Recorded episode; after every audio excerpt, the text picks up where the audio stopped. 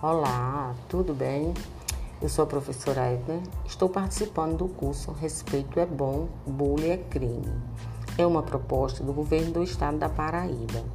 Faço parte da turma 5 com a professora Vanessa. Então, eu trago hoje algo muito importante para apresentar para vocês, que é falar sobre o cyberbullying. Então, o bullying virtual ou cyberbullying é um assédio moral que uma pessoa pode sofrer pela internet, seja nas redes sociais, sites, blogs ou em algum aplicativo de mensagens.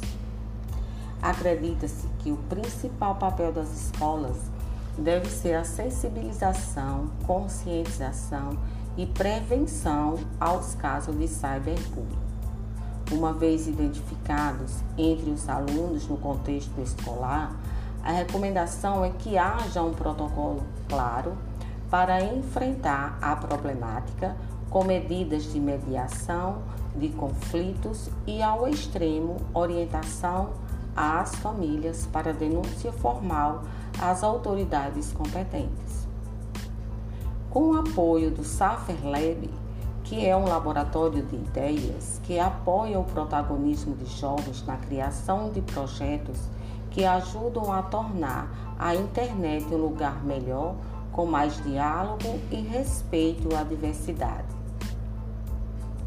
Faz-se necessário conhecer algumas expressões da sexualidade nos ambientes digitais, práticas conhecidas como nudes, pornografia de vingança e outras situações de violência sexual contra crianças e adolescentes a partir de algumas definições e de dados sobre as manifestações desses comportamentos na internet no Brasil, enfatiza-se as abordagens possíveis para prevenir, mediar e reportar os casos que chegam ao conhecimento dos educadores no contexto escolar.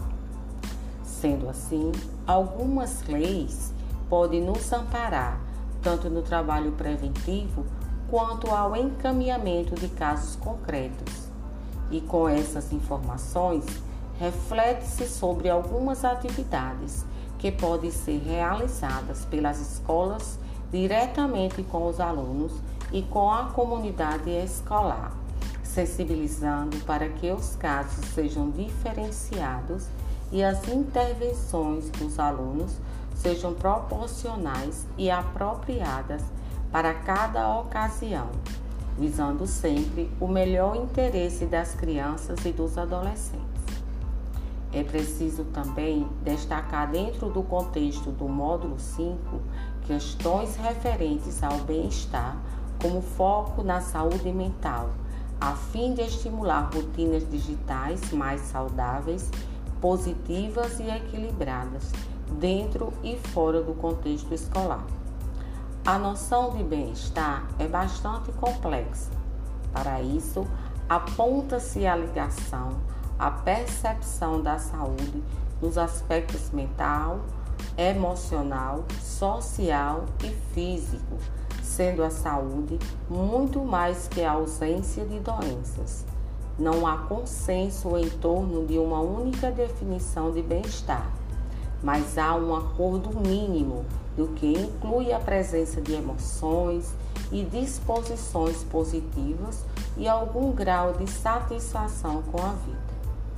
Nesse contexto, aborda a sexualidade e sexo, que não são a mesma coisa e que precisamos perceber suas diferenças, diferenças para educar as crianças e adolescentes sobre seus direitos sexuais sem confundir as coisas sexo é uma das expressões da sexualidade já amadurecida, que envolve a escolha do parceiro e que pode acontecer a partir do desenvolvimento da puberdade, quando já conquistada certa maturidade psicológica.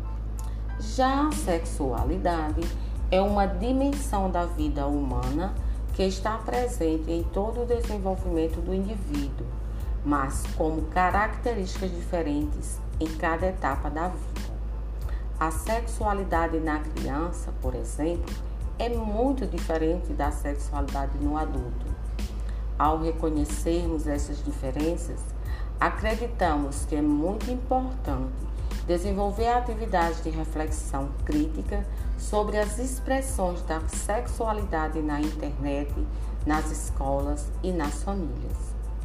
Sabemos que é um tema sensível e que cada família tem suas abordagens, mas é preciso ter consciência da importância de haver diálogo sobre sexualidade desde a infância, sem repressão, com esclarecimentos e orientações para evitar que também na internet crianças e adolescentes fiquem expostos a situações de extremo risco, como a exposição não consentida ou mesmo violência sexual.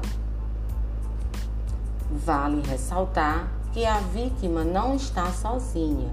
Existe uma lei para amparar e punir os culpados. Cabe a todos estudar e conhecer as leis que protegem cada um e lutar pelos seus direitos.